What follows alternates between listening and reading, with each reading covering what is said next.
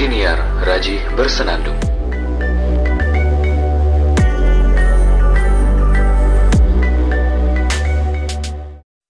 Selamat datang kembali di Siniar Rajih Bersenandung. Ini sudah episode ke-99. Sebentar lagi, satu lagi, bukan satu lagi ya, tapi hmm, setelah ini langsung hmm, nih 100. Akhirnya ya. Nanti semoga aja dengan tercapainya episode ke-100 Siniar Rajih Bersenandung menjadi semakin uh, you know, semakin menjadi lebih baik lagi. Pada episode kali ini, saya ingin melanjutkan pembahasan di episode sebelumnya, episode 98. Di episode sebelumnya itu kan saya menyebutkan bahwa saat ini saya lagi semangat-semangatnya nih untuk belajar lagi tentang sejarah. Khususnya sejarah kerajaan-kerajaan Islam di Jawa. Ada Mataram Islam, Sultanan Jogja, dan lain-lain lah. Nah, eh, cuma yang kemarin itu saya menyebutkannya tidak terlalu lengkap dan mungkin kurang menarik ya memberikannya. Semoga di episode kali ini saya bisa memberikan penjelasan yang lebih menarik lagi. lebih jelas lagi dan juga tidak yang ngambang seperti di episode sebelumnya. Seperti penjelasan terkait perjanjian Gianti kemarin itu saya bilangnya ya. Kemudian tentang kerajaan-kerajaan yang masih eksis sampai sekarang itu kemarin saya menjelaskannya masih kurang lengkap. Dan lain-lain. Oke, kita awali dulu pembahasannya dengan kerajaan-kerajaan yang masih eksis sampai sekarang. Di Indonesia ya, di Indonesia. Kalau di Malaysia ya masih banyak malah ada yang di Pertuan Agung di situ di Malaysia. Bukan di situ ya, di sini. Saya take-nya di Malaysia soalnya. Oke, kalau di Indonesia ini yang pertama ada ini kalau kita kutip dari CNN Indonesia, yang pertama itu ada Kesultanan Yogyakarta. Memang betul, Kesultanan Yogyakarta ini masih ada. Sultannya sekarang adalah Sri Sultan Hamengkubuwono ke-10. Tapi yang unik adalah ketika para pendengar semuanya coba uh, browsing gitu, misalkan browsing Kesultanan Yogyakarta, itu pasti akan muncul keterangan kan di laman Google itu. Nah, yang jadi sorotan saya adalah ada tanggal di mana keraton ini uh, dissolve Dissolve ini kalau saya boleh mengartikan berarti melebur begitu dengan Negara Kesatuan Republik Indonesia. Nanti kalau saya salah silakan diberikan kritikan ya, silakan dikirimkan di raji.a93@gmail.com. Nah, di sini keterangannya Kesultanan Yogyakarta itu melebur pada tahun 1950, melebur tentunya dengan Negara Kesatuan Republik Indonesia begitu. Nah, itu yang pertama, Kesultanan Yogyakarta atau bisa disebut Kasultanan Ngayogyakarta Hadiningrat. Waduh, ngeri. Yang kedua, ada Kasunanan Surakarta. Kasunanan ini tetap Kasunanan itu artinya seperti kesultanan juga begitu. Hanya gelarnya itu hanya gelar saja gitu loh. Untuk menyebut eh, rajanya itu Sunan, sedangkan di Jogja itu Sultan begitu. Eh, Kesunanan Surakarta Hadiningrat ini juga demikian gitu. Ada kalau kita cari di Google itu pasti ada keterangan di mana dia itu juga melebur begitu. Dan tentu meleburnya dengan Negara Kesatuan Republik Indonesia gitu. Di sini ditunjukkan keterangannya bahwa Kesunanan Surakarta itu melebur dengan Negara Kesatuan Republik Indonesia pada tahun 1946. Nah, tentu dia masih eksis kesultanannya atau ya kerajaannya itu masih ada. Kalau di Kesunanan Surakarta ingat saya juga sering lupa nyebutnya di Kesunanan Surakarta, sultannya itu bukan disebut sultan tapi sunan gitu. Sunan Pakubuwono. Nah, kalau sekarang eh, penguasanya adalah Pakubuwono ke-13. Dari 2004 beliau naik tahta sampai sekarang. Itu untuk Kesunanan Surakarta Hadiningrat atau Nagari Kasunanan Surakarta Hadiningrat. Wah, ngeri, ngeri, ngeri. Oke, uh, lanjut yang ketiga adalah Kesultanan Cirebon. Kesultanan Cirebon ini seperti yang saya sebutkan di episode sebelumnya, eh, dia itu terpecah tiga. Jadi eh, Kesultanan Kacerebonan, Kesultanan Kanoman, sama satu lagi itu Kesultanan Kasepuhan. Nah, eh, kita coba bedah satu-satu ya. Cuma begini, saya baru-baru ini nemu artikel uh, bukan artikel ya, ya ya bisa disebut artikel dari cirebonkota.go.id. Artinya dari Cirebonnya langsung, pemerintah kota Cirebon. Nah, ternyata bukan dibagi tiga, dibagi empat. Begini, saya coba bacain ya artikelnya, potongannya deh. Tahun 1677, Cirebon terbagi. Pangeran Martawijaya dinobatkan sebagai Sultan Sepuh bergelar Sultan Raja Syamsuddin. Ini berarti untuk yang di keraton kesepuhan. Kemudian Pangeran Kertawijaya sebagai Sultan Anom bergelar Sultan Muhammad Badruddin. Ini berarti di Keraton Kanoman. Sultan Sepuh menempati Keraton Pakungwati dan Sultan Anom menem, e, membangun keraton di bekas rumah Pangeran Cakrabuana.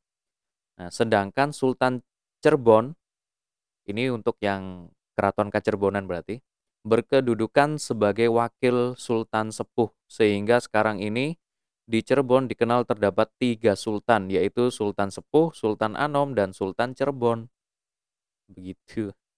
Nah, lanjut. Keberadaan ketiga sultan juga ditandai dengan adanya keraton, yaitu keraton Kasepuhan, keraton Kanoman, dan keraton Kacerebonan, ya, seperti yang barusan saya jelaskan. Nah, di luar ketiga kesultanan tersebut terdapat satu keraton yang terlepas dari perhatian. Keraton tersebut adalah Keraton Gebang. Nah, saya baru dengar ini. baru aduh, baru tahu, baru tahu. Aduh, kurang baca. Nah, gimana kalau kita cari tentang Keraton Gebang ini?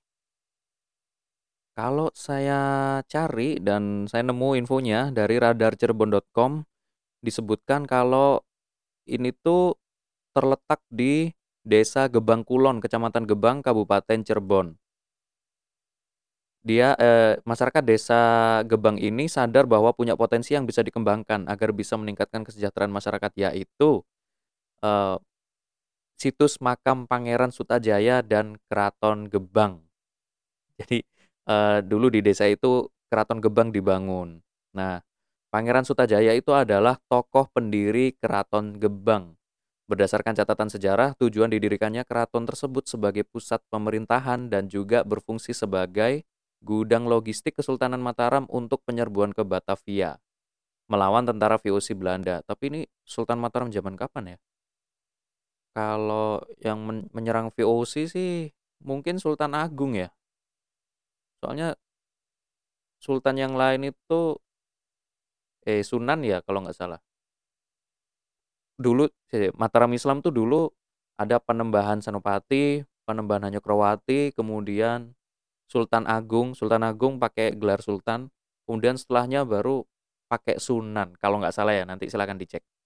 Dan eh, dulu-dulunya itu eh, mungkin setelah Sultan Agung lebih tepatnya, Sultan-Sultan di Mataram itu sepertinya kok cenderung mendukung ke VOC karena khawatir dengan jabatannya dicopot karena waktu itu VOC kan menguasai apa ya, punya kewenangan lah untuk melantik seorang sultan begitu.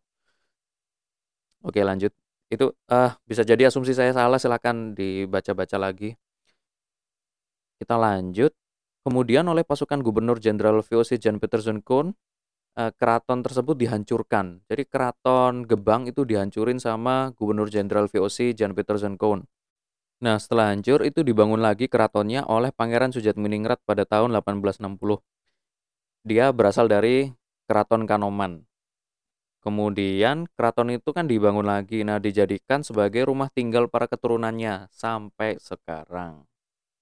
Kayak gitu sih kurang lebih hmm, sekilas tentang itu ya Keraton Gebang. Ternyata Kesultanan Cirebon itu terbagi jadi empat. Ya Ya tiga sebenarnya kalau kalau yang yang terlihat ya ada seperti itu yang saya sebutkan tadi, Kesultanan Kacerebonan, Kesultanan Kesepuhan, ada Kesultanan Kanoman. Dan yang Keraton Gebang periodenya sangat pendek. Oke, kita bahas yang Kesultanan Cirebon dulu. Kesultanan Kacerebonan. Kesultanan Kacerebonan ini eh, didirikannya itu pada 1808. Sultan pertamanya Sultan Kacerebonan I, Sultan Cirebon Kacerebonan Amirul Mukminin. Kemudian sekarang sultannya adalah Sultan Cer- Kacerebonan IX, Pangeran Raja Abdul Ghani Natadiningrat Dekarangga. Bertakhta dari tahun 97, mungkin sampai sekarang. Uh, kurang pasti sih. Uh, maksudnya saya sendiri masih kurang pasti informasinya itu seperti apa. Ini masih dari satu sumber saja. Semoga teman-teman juga bisa mendapatkan sumber-sumber lain yang lebih akurat.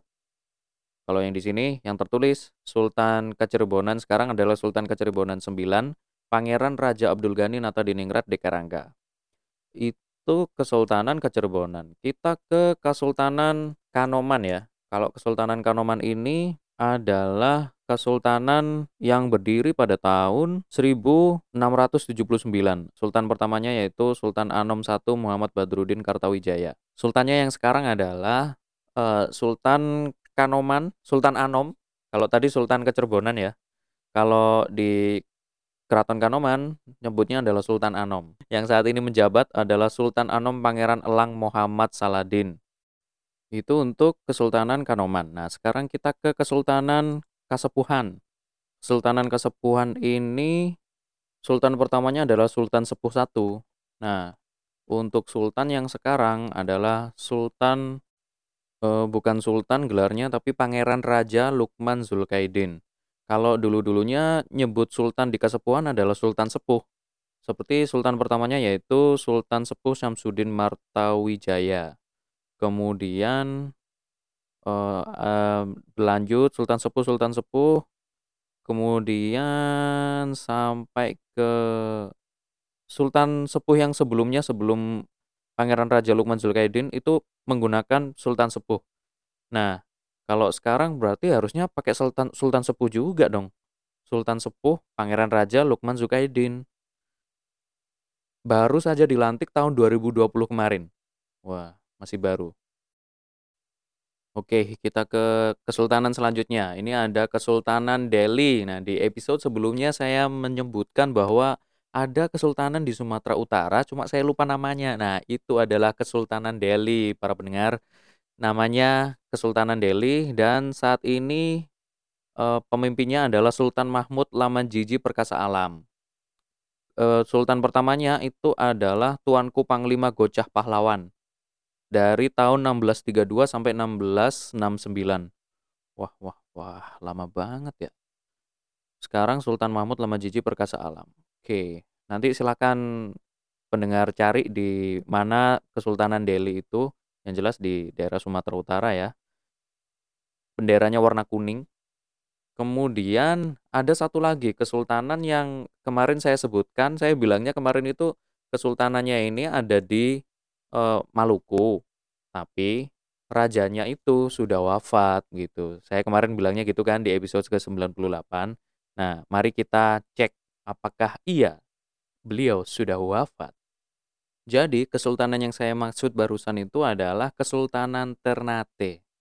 Yang kesultanan ini sudah ada sejak tahun 1257. Hmm. Wow. Lama banget. itu tahun kapan itu? Itu setahu saya sih 12 tahun 1200 itu masa-masanya kerajaan Singosari masih eksis itu. Eh, dan juga Anda pasti pernah mendengar Sultan Babullah kan? Sultan Babullah itu adalah dari sini, Kesultanan Ternate. Nah, mari kita cek. Sultan pertamanya itu adalah Bab Mashur Malamu yang memimpin dari tahun 1257 sampai 1277.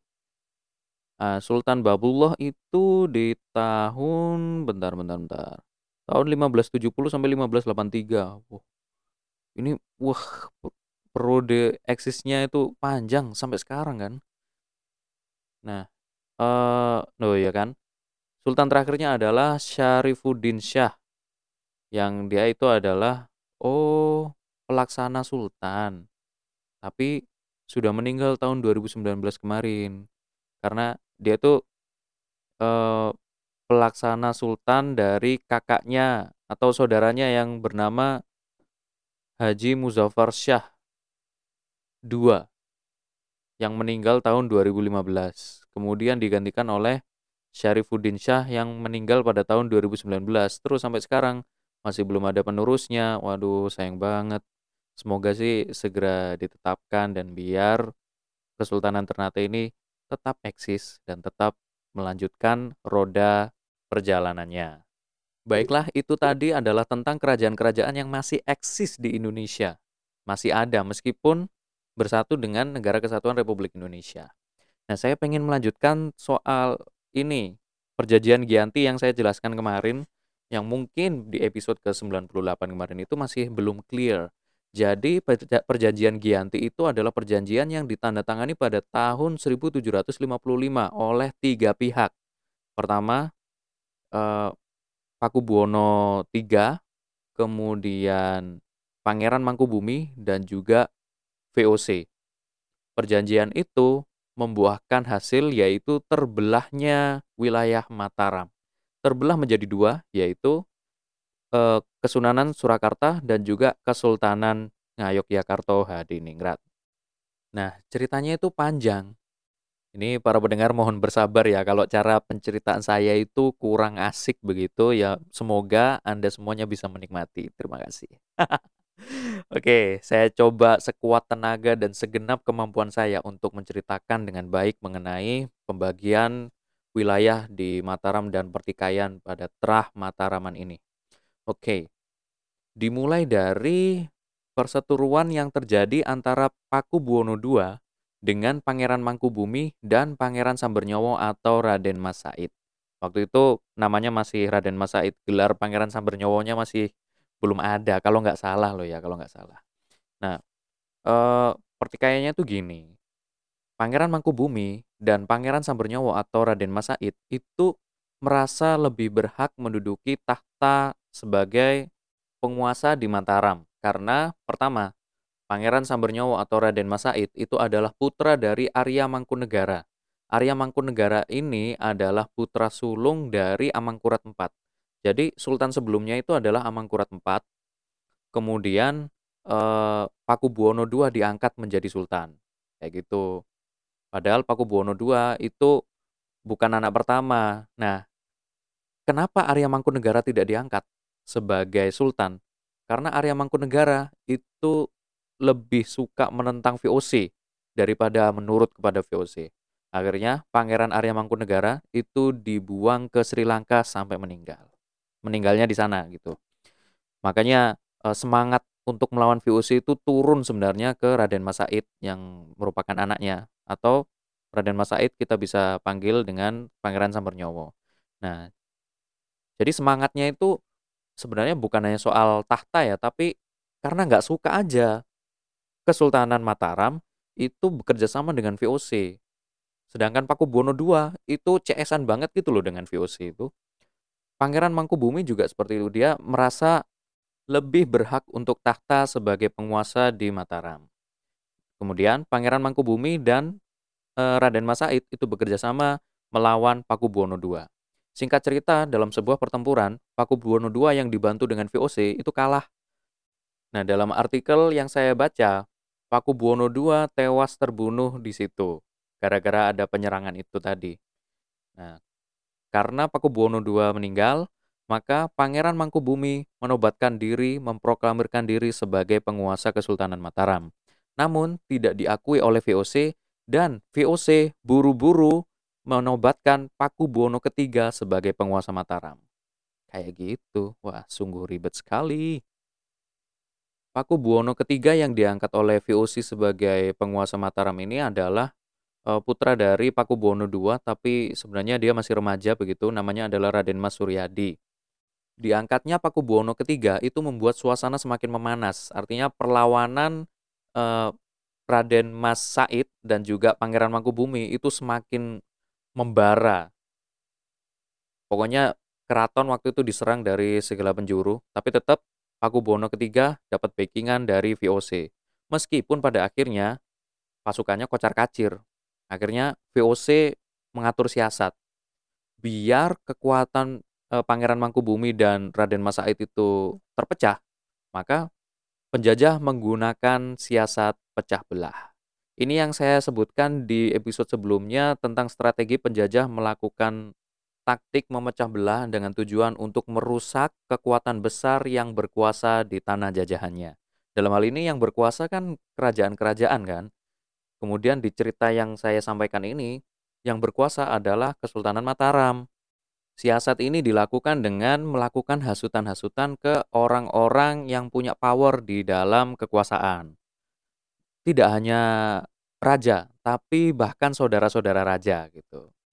Dengan menghasut kayak gini tuh akhirnya membuat perpecahan semakin menjadi-jadi atau bahkan membuat yang tadinya bersatu jadi pecah gitu. Kondisinya itu sama seperti yang akan saya sampaikan ini. Jadi VOC melakukan siasat pecah belah itu. VOC mengutus satu orang untuk mendatangi Raden Mas Said untuk berhati-hati dengan Pangeran Mangkubumi. Jadi gini, VOC itu bilang, e, Raden, Raden Mas Said, gak tahu ya, kira-kira kayak gitu ya ngomongnya ya. E, ngapunten Raden, mohon maaf Raden, e, mohon untuk berhati-hati dengan Pangeran Mangkubumi karena siapa tahu dia membenci Anda. Kayak gitu. Nah, VOC juga mengutus satu orang untuk mendatangi Pangeran Mangkubumi. Tujuannya adalah untuk membujuk Pangeran Mangkubumi agar tidak melanjutkan penyerangan. Dan Pangeran Mangkubumi diiming-imingi setengah bagian wilayah Mataram. Nah, seperti itu. Kemudian saya kurang paham prosesnya ya. Pada akhirnya sepakat untuk melakukan perundingan. Nah, hasil dari perundingan-perundingan itu yang dihadiri oleh pihak VOC, Pangeran Mangkubumi dan juga Pakubuwono III akhirnya menghasilkan perjanjian Gianti dan ditandatangani pada 13 Februari 1755.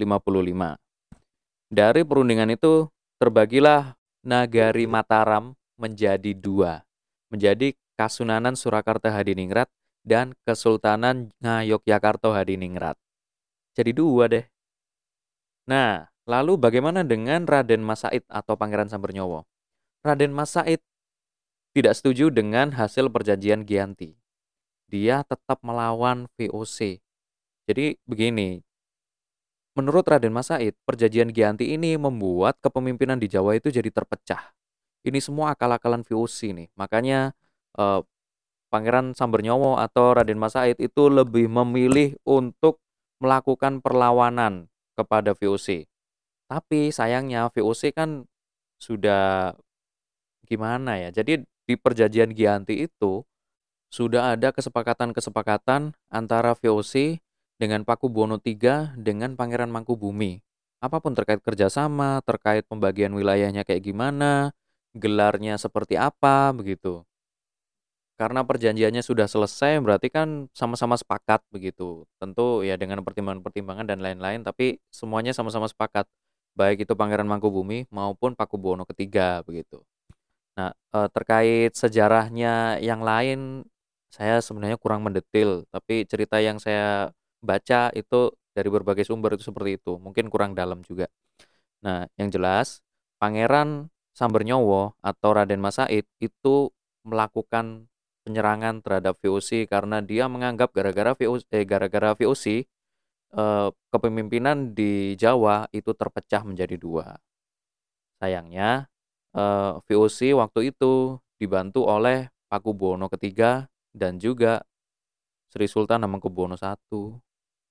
Makanya ini kalau misalkan cerita yang saya dapat ini keliru atau kurang tepat, eh, monggo dikasih saran gitu ke email saya di rajih.a93@gmail.com atau direct message ke @rajihbersenandung atau ke Instagram saya langsung ke @rajih.araki.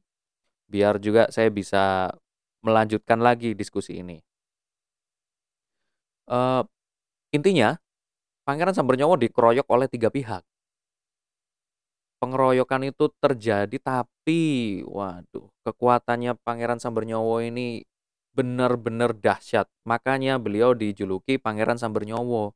Karena benar-benar setiap pertempuran pasukannya Raden Mas Said itu yang meninggal sedikit banget, 20-an luka-luka, sedangkan pasukan musuh itu ratusan meninggal. Itu saking ganasnya memang. Nah, pada akhirnya karena sudah terpojok ya, VOC sudah tidak bisa ngapa-ngapain lagi. Akhirnya VOC minta untuk dari pihak Pakubuwono III dan juga Hamengkubuwono I mengajak rundingan Raden Mas Said atau Pangeran Sambernyowo. Akhirnya terjadilah perundingan di Salatiga dan disepakatilah perjanjian Salatiga yang isinya sudah kita selesaikan pertikaian Trah Mataraman ini. Lalu Pangeran Sambernyowo atau Raden Mas Said mendapatkan wilayah kekuasaan yang masih masuk di wilayah Kesunanan Surakarta yaitu eh, Kadipaten Mangkunegaran. Dan juga beliau dinobatkan sebagai Kanjeng Gusti Pangeran Adipati Arya Mangkunegara I. Gelarnya menggunakan ayah Raden Mas Said sendiri yaitu Pangeran Arya Mangkunegara. Mangkunegara kan. Begitu eh sebenarnya yang salah satu jadi sorotan utama saya juga itu adalah bahwa kekuasaan-kekuasaan kesultanan pada saat itu baik itu Kesunanan Surakarta maupun Kesultanan Yogyakarta itu ada kaitannya dengan VOC. Ya memang sih waktu itu seperti yang saya bilang bahwa VOC ini mempunyai kewenangan besar untuk melantik melantik sultan begitu. Karena powernya sudah sangat besar banget. Makanya dia punya kewenangan itu. Nah, sehingga kalau sultan melakukan perlawanan, nanti VOC akan memberikan hukuman gitu loh. Misalkan dicopot dari tahtanya begitu. Seperti contoh Pakubuwono II. Pakubuwono II itu tadinya melawan VOC juga. Beliau bergabung bersama pasukan-pasukan lain untuk melawan VOC bahkan melakukan e, meminta agar bupati-bupati bawahannya itu melakukan sumpah setia mendukung untuk melawan VOC, untuk tidak tunduk kepada VOC. Tapi pada suatu ketika ternyata Pakubuwono II berbalik arah. Jadi benar-benar yang tadinya melawan dia berubah drastis menjadi mendukung VOC dan CS-an karena khawatir tahtanya dicopot sama VOC. Nah, hal hal-hal yang seperti ini tuh mungkin juga terjadi di sultan-sultan yang sebelumnya. Kalau nggak salah Sultan Agung itu nggak yang sampai kayak gitu gitu mungkin setelah Sultan Agung baru uh, sultan-sultannya itu terpengaruh oleh ya tipu dayanya VOC sampai aduh saya khawatir keliru nyebut ini karena mungkin masih kurang baca. Cuma ya paling tidak beberapa eh, maksudnya tidak semuanya lah. Tidak semua sultan itu yang tunduk pada VOC atau menjadi CS-nya VOC gitu tidak. Setiap eh, pemimpin punya caranya sendiri. Mungkin dengan metode kepemimpinannya itu uh, akhirnya dia memilih untuk berteman dengan VOC demi kesejahteraan rakyat. Tapi saya tetap tidak bisa menjudge, artinya bisa jadi iya, bisa jadi tidak begitu loh. Sejauh ini dari yang saya baca ada beberapa sultan di Mataram yang memang berkolaborasi dengan VOC. Waktu itu VOC kan melakukan penjajahan begitu. Uh, berkaitan juga dengan Pakubuwono II, ada Amangkurat V saya tadi kan bilang sebelum Pakubuwono II itu ada Amangkurat IV. Amangkurat IV ini adalah ayahnya Pakubuwono II. Amangkurat V itu adalah cucunya Amangkurat III. Jadi ceritanya seperti ini. Amangkurat II dulu itu ketika wafat ada polemik untuk penerusan tahtanya siapa begitu. Yang naik adalah Amangkurat III anaknya. Tapi eh, banyak tidak disukai karena mungkin sifatnya yang kurang sesuai dengan masyarakat atau keluarga kerajaan sehingga dukungan itu lebih kepada Pangeran Puger. Pangeran Puger itu pamannya Amangkurat III atau adiknya Amangkurat II. Uh, begini deh, saya bacain deh ceritanya ya. Amangkurat II meninggal pada tahun 1703 dan digantikan oleh putranya Amangkurat III. Seorang raja yang tidak disukai banyak orang karena sikapnya yang buruk Aduh, susah nih kayak gini nih. Sehingga banyak dukungan untuk Pangeran Puger. Hubungan antara paman dan keponakan jadi renggang. Setelah itu, Amangkurat III e, melakukan pengiriman pasukan untuk menumpas keluarga Pangeran Puger. Nah, cuma waktu itu Pangeran Puger dan pengikutnya berhasil lolos. Yang bertugas untuk mengejar adalah Jangrana II, bupati dari Surabaya. Tapi ternyata ini maksudnya mengejar Pangeran Puger ya. Jadi Jangrana II bupati dari Surabaya itu ditugasin untuk ngejar Pangeran Puger dan pengikutnya. Tapi ternyata Jangrana II itu diam-diam mendukung Pangeran Puger sehingga pengejarannya tidak lebih dari sebuah drama saja. Waduh, ngeri ngeri ngeri. Ini kalau persoalan kekuasaan dan tahta di kerajaan itu memang benar-benar nggak pandang bulu mau itu saudara, sepupu, paman, keponakan tetap aja diserang. Seperti yang saya ceritakan tadi di Perjanjian Giyanti, Pangeran Mangkubumi dan Pakubuwono itu kan kakak adik sebenarnya. Lalu Raden Mas Said atau Pangeran Sambernyowo itu kan keponakan beliau berdua. Jadi keluarga gitu loh, masih keluarga. Oke lanjut. Uh, Jangrana II tadi mendukung Pangeran Puger ya ternyata. Kemudian ada yang namanya Rangga Yuda Negara, Bupati Semarang, bertindak sebagai penengah Pangeran Puger dalam meminta bantuan kompeni Belanda. Nah, Pangeran Puger meminta bantuan kompeni Belanda untuk ya sebagai backingan gitu menambah kekuatan biar semakin kuat. Tapi melalui Rangga Yuda Negara, Bupati Semarang.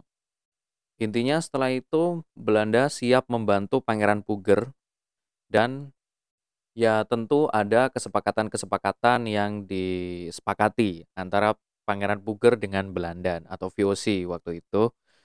Lalu terjadilah perjanjian Semarang. Kemudian pada tanggal 6 Juli 1704, Pangeran Puger diangkat sebagai Raja Mataram selanjutnya yang bergelar susunan Pakubuwono Senopati Ingalaga, Ngalogo, Abdurrahman Sayyidin Panatagama Khalifatullah biasa disingkat susunan Pakubuwono atau Pakubuwono I.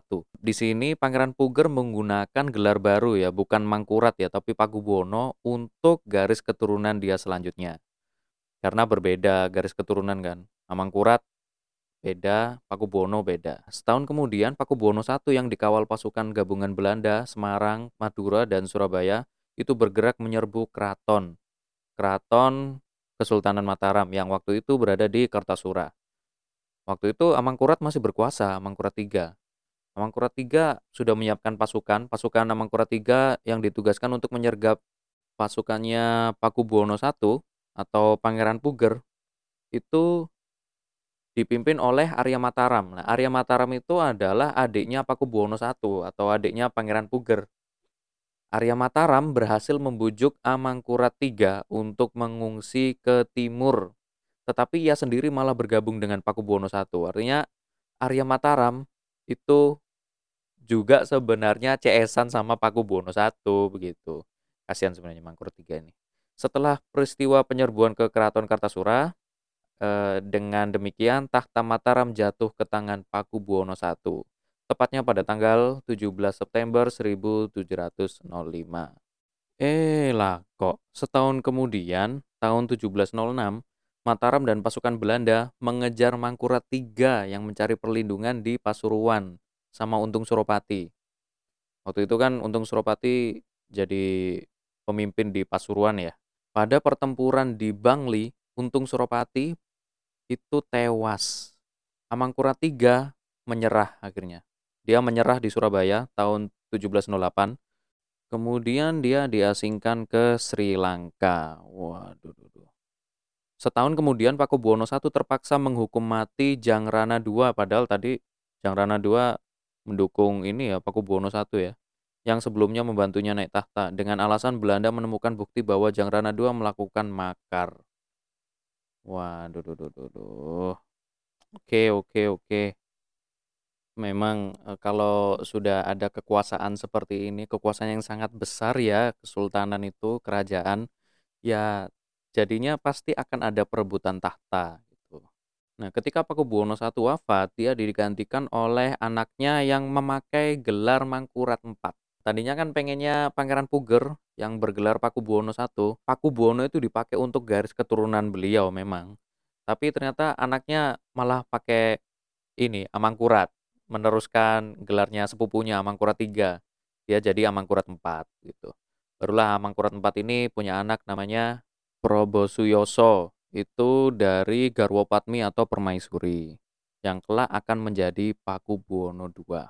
Kemudian dari istri selir ada eh, Pangeran Mangkubumi, kemudian ada juga Pangeran Mangkunegara, Arya Mangkunegara. Terus juga ada uh, Kiai Nur Imam Melangi, Nur Iman Melangi, tokoh agama atau ulama di Sleman. Ya, kemudian terjadilah konflik lalu sampailah di perjanjian Giyanti, perjanjian Salatiga seperti yang saya ceritakan tadi begitu. Eh, ini ada informasi baru soal Pakubuwono II baru dapat nih, baru dapat. Ternyata Pakubuwono II itu bukan meninggal karena ini ya serangan dari Pangeran Mangkubumi sama Raden Mas Said ya. Tapi jadi gini, di tengah panasnya suasana perang, Pakubuwono II jatuh sakit pada akhir tahun 1749. Kayak gitu. Uh, Baron von Hohendorf Kawan lamanya yang kini menjabat gubernur pesisir Jawa bagian timur laut tiba di Surakarta sebagai saksi VOC atas jalannya pergantian raja. Pakubuwono II bahkan menyerahkan kedaulatan kerajaan secara penuh kepada von Hohendorf. Perjanjian pun ditandatangani tanggal 11 Desember 1749 sebagai titik awal hilangnya kedaulatan Kasunanan Surakarta ke tangan Belanda. Sejak itu hanya VOC yang berhak melantik raja-raja keturunan Mataram, termasuk Surakarta, Yogyakarta, Mangkunegaran, dan Pakualaman. Peraturan itu terus berlaku sampai zaman kemerdekaan Indonesia. Waduh, duh, duh, duh. Bentar, aku jadi bingung ini. Mungkin para pendengar bisa mencari referensinya ya nanti ya. Soalnya tadi kan saya di awal bilang kalau VOC itu punya kewenangan untuk melantik karena di artikel yang saya baca, beberapa artikel yang saya baca, Pakubuwono II itu berubah haluan karena dia eh, takut jabatannya dicopot oleh VOC. Artinya VOC waktu itu ketika Pakubuwono II menjabat, sebenarnya VOC sudah punya wewenang yang sangat besar. Artinya VOC sudah menguasai bahkan kekuatan-kekuatan besar yang ada di tanah jajahannya. Termasuklah Mataram Islam waktu itu gitu.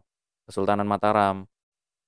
Nah, sedangkan di sini disebutkan bahwa Pakubuwono II sendirilah yang menyerahkan kedaulatan Surakarta ke VOC.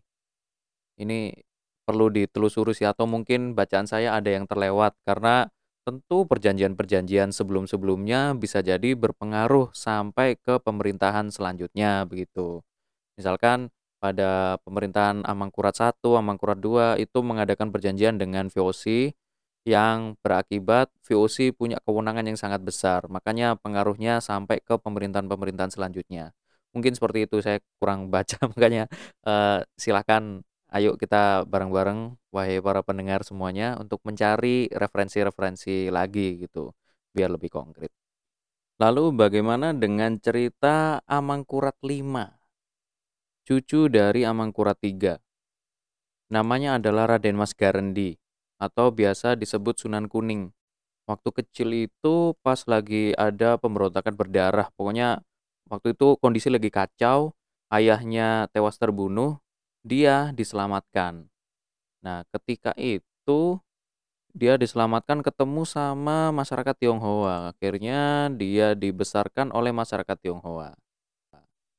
Oke, biar saya tidak salah cerita ya, mending saya bacain aja ini info yang saya temukan, Amangkurat 5.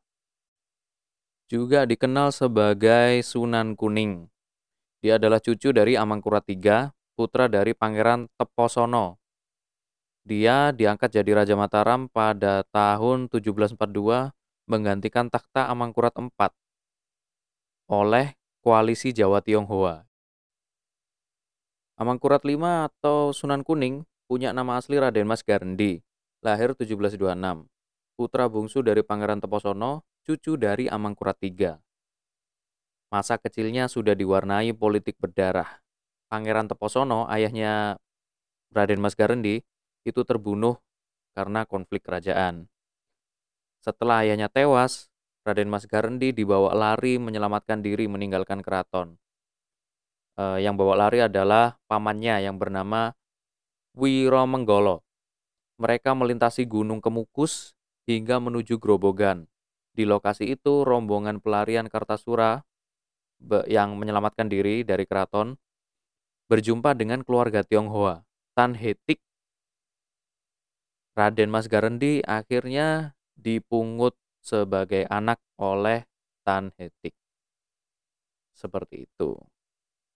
Nah, fisiknya di sini ada tulisan tentang fisik Raden Mas Garendi. Dia itu disebut sebagai remaja ganteng yang populer dan banyak penggemar. Waduh, ngeri. Um, kemudian ad, di sini ada cerita tentang Geger Pacinan. Ada kaitannya dengan Pakubono II. Geger Pacinan ini ceritanya gini, pada mulanya Pakubono II adalah seorang raja yang melawan kolonialisme Belanda ini yang saya bilang tadi ya. Dia pernah meminta para pejabat dan bupati bersumpah setia serta bersiap mengusir Belanda dari tanah Jawa. Ini yang saya bilang tadi. Di masa kepemimpinannya, pasukan Mataram menyerang benteng Company di Kartasura, bentengnya VOC ya. Pada tahun 1741, tercatat 10 prajurit Company tewas di dalam benteng dan juga di sekitarnya. Lalu peristiwa itu menandai konflik terbuka antara Kesultanan Mataram dan VOC. Pakubuwono II juga memerintahkan patihnya mengirim pasukan untuk membantu Laskar Tionghoa mengepung VOC di Semarang. Wah, ngeri, ngeri, ngeri. Ini sebenarnya yang kayak gini-gini kalau benar-benar diteruskan itu bisa mengusir VOC juga gitu loh akhirnya. Ya, lanjut. Saat itu adalah masa-masa geger Pacinan, rangkaian peperangan yang disebut-sebut lebih besar daripada perang di Ponegoro pada dua dekade sebelumnya. Geger Pacinan diawali dengan pembantaian 10.000 orang Tionghoa oleh VOC di Batavia. Kalau Batavia ini dulu namanya Batavia, sekarang Jakarta. Hal itu menyulut aksi pemberontakan melawan VOC. Pemimpin pemberontakan dari pabrik gula di Gandaria, Batavia adalah Sopanjang atau Kepanjang, yang kemudian dikenal sebagai Kapiten Sepanjang. Dia lari sampai Semarang dan bergabung dengan Laskar Tionghoa pimpinan Singseh, Tansinko atau Tansinko ya. Kapiten Sepanjang dan Singseh berperang melawan VOC. Gabung nih dua kekuatan besar, lalu mendapat bantuan pasukan dari Pakubuwono II kekuatan besar lagi, Kesultanan Mataram. Namun kemenangan sulit diraih, bahkan VOC mengklaim sebagai pihak yang menang.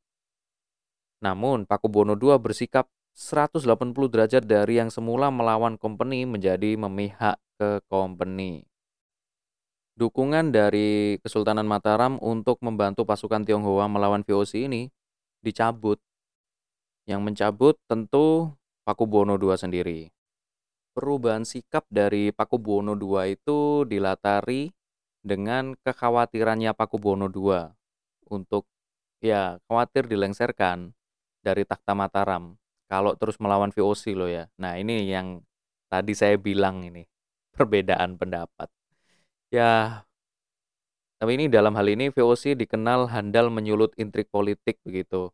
Oke, oke, oke, I see. Jadi kalau saya boleh berpendapat, VOC memang punya power entah di masa-masa pemerintahan Kesultanan Mataram sebelumnya itu dia punya perjanjian-perjanjian dan lain-lain yang jelas powernya VOC waktu itu lumayan besar.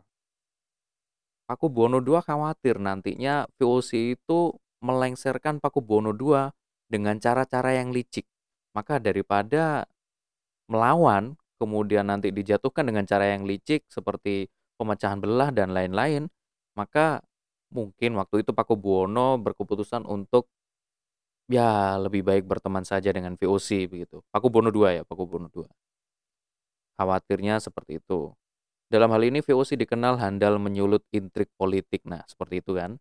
Di sisi lain para bangsawan juga banyak yang mengincar kedudukan Pakubuwono II.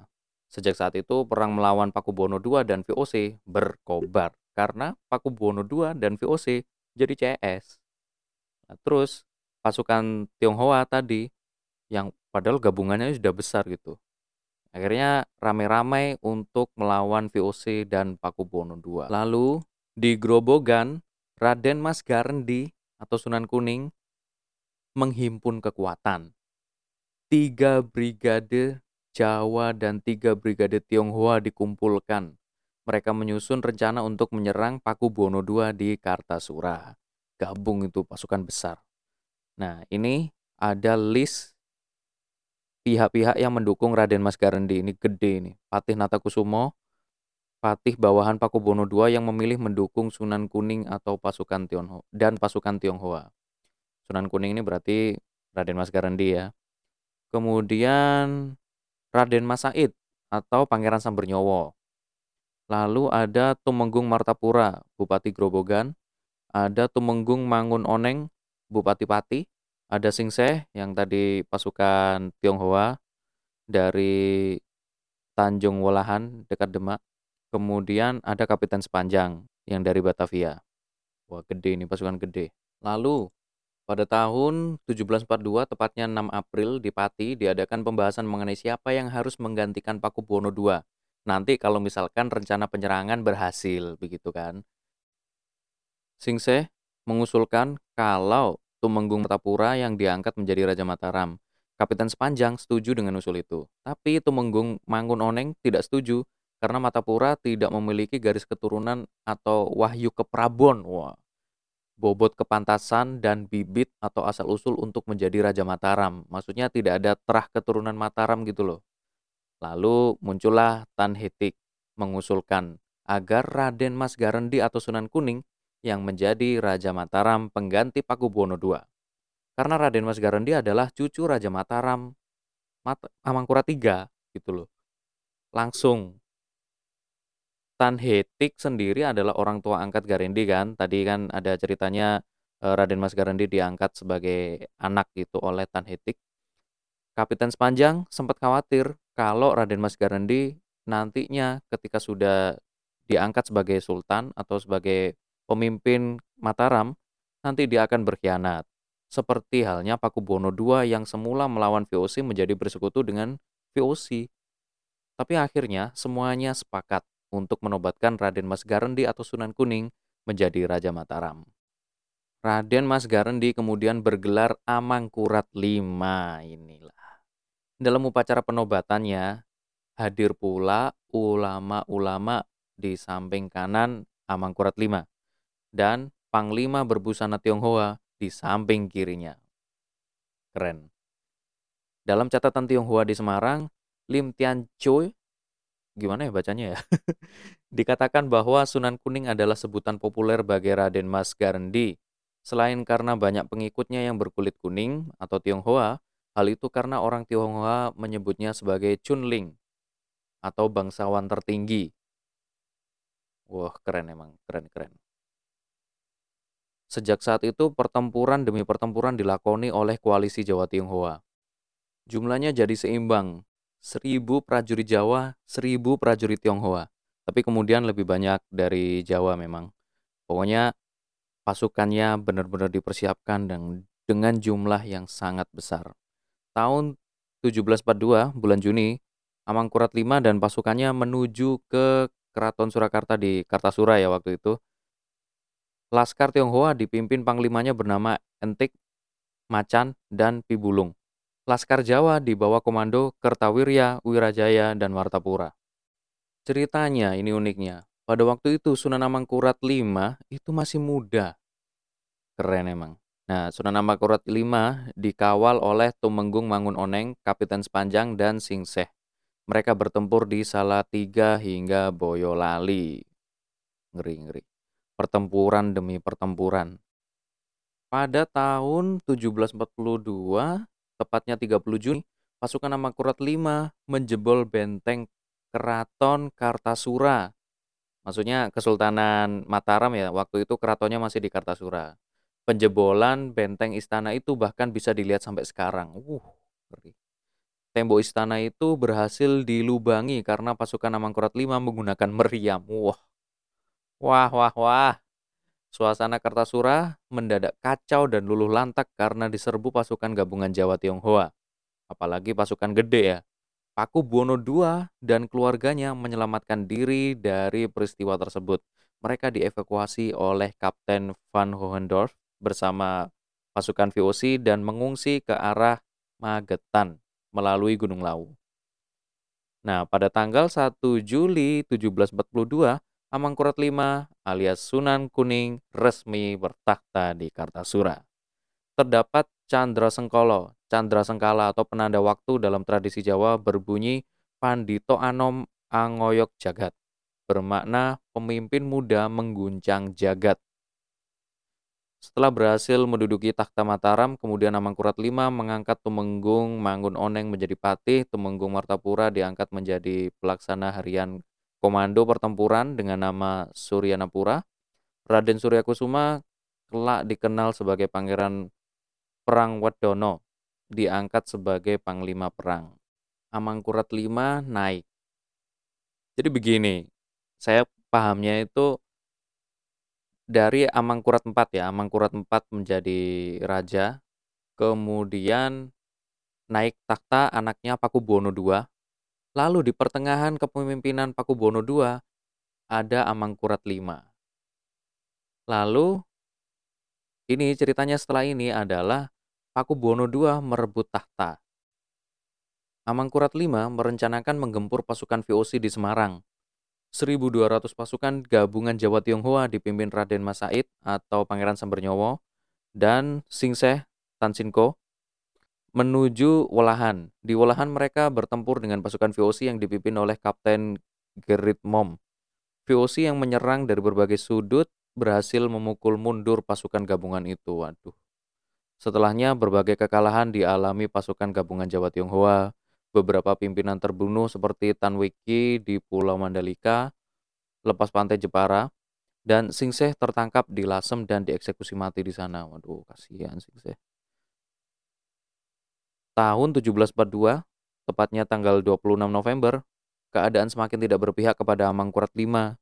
Keraton Kartasura diserang dari tiga penjuru oleh Cakraningrat IV dari arah Bengawan Solo, Paku Buwono II dari arah Ngawi, dan pasukan VOC dari Ungaran dan Salatiga.